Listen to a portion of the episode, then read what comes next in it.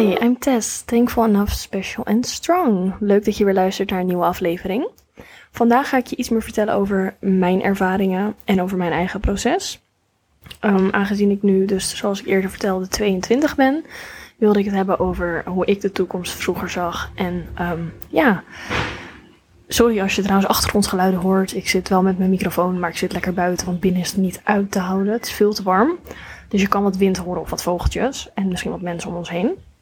Maar ik hoop dat het prima is.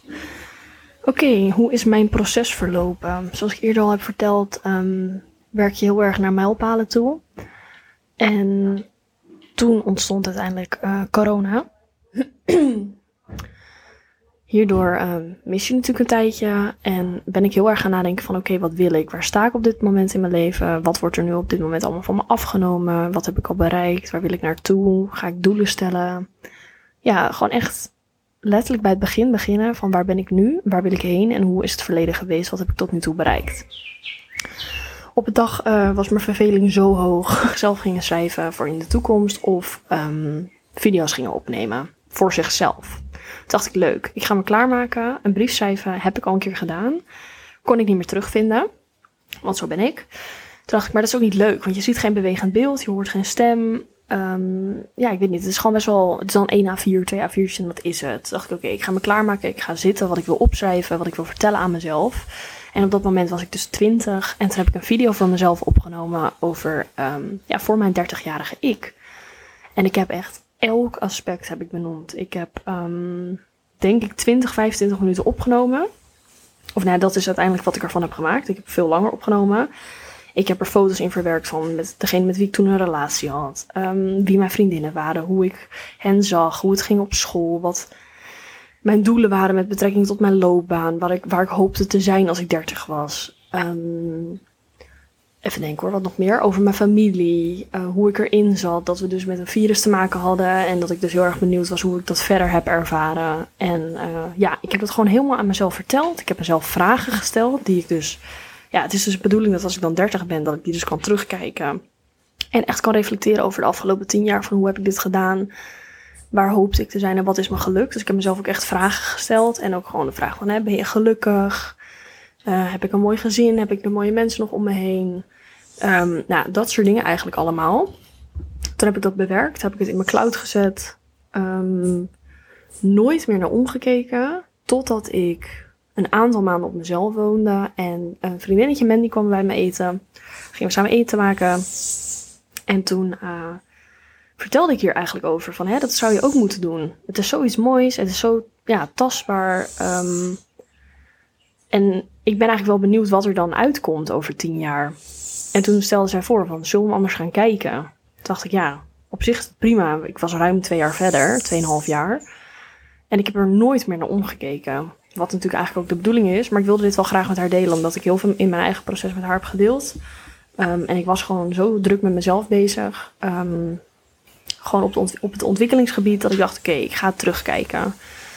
Nou, uh, twintig minuten verder zaten we alle twee jankend aan tafel. En was het heel bizar hoeveel dingen er eigenlijk al zijn uitgekomen. En hoeveel uh, meer ik voor mezelf heb gekozen in de afgelopen 2,5 jaar. Dat ik dacht, oké, ik wil dit nu ook gewoon niet meer zien. Ik heb... Um, het is ook heel raar om jezelf natuurlijk terug te zien en zo tegen jezelf te zien praten. Maar het is eigenlijk ook weer heel mooi. Um, dus ik weet niet, we hebben daar toen een tijdje over gehad. En ik heb besloten dat ik hem dus nu niet meer ga kijken tot op het punt dat ik echt 30 jaar ben. Maar ik vond het heel fijn om dit terug te zien. En ik zou je dus eigenlijk de tip willen geven om dit ook te doen. En dan moet je er wel prettig bij voelen. Dus de een wil graag een brief schrijven aan zichzelf. De ander wil graag een video opnemen. Of misschien wel in de vorm van een voice message. Dat je hem gewoon als voice memo opneemt. Of zoals, ja, net zoals dit, een soort van podcast. Dat je dat terug kan luisteren. Maar ik vond het zo fijn. Oh, al die vogeltjes ook. Ik vond het zo fijn om het zeg maar terug te kunnen luisteren en te zien. En dat ik er ook echt foto's in heb geplakt van mijn ouders, van die vriendinnen, van mijn huidige vriend, dus mijn ex-vriend. Um, dat je dat ook allemaal terugziet. Want je kan wel namen gaan noemen, maar vaak over tien jaar. Misschien gebeurt er van alles en weet je niet eens meer wie die meiden zijn of heb je hele andere vrienden om je heen. Um, dus ja, ik zou je echt de tip willen geven om dat eigenlijk ook te gaan doen. Ga eens voor jezelf uitschrijven. Waar ben ik nu op dit moment in mijn leven? Hoe gaat het? Welke leeftijd heb ik? En maak bijvoorbeeld een video of een brief voor jezelf voor over vijf of tien jaar. Dat is maar net wat je zelf wil. En dat is dan niet om dus weer druk op jezelf te gaan leggen, maar om eigenlijk op een hele laagdrempelige manier over die periode, dus over vijf of tien jaar, te kunnen gaan reflecteren van wat heb ik nou allemaal gedaan. En je zegt tegen jezelf, oké, ik wil een koophuis, ik wil misschien in het buitenland gaan wonen. En dan kan je dat dus tegen die tijd gaan terugkijken en denken, heb ik daar ook echt mijn best voor gedaan? Want doordat je het opschrijft of uitspreekt, worden de doelen ook actiever in je hoofd.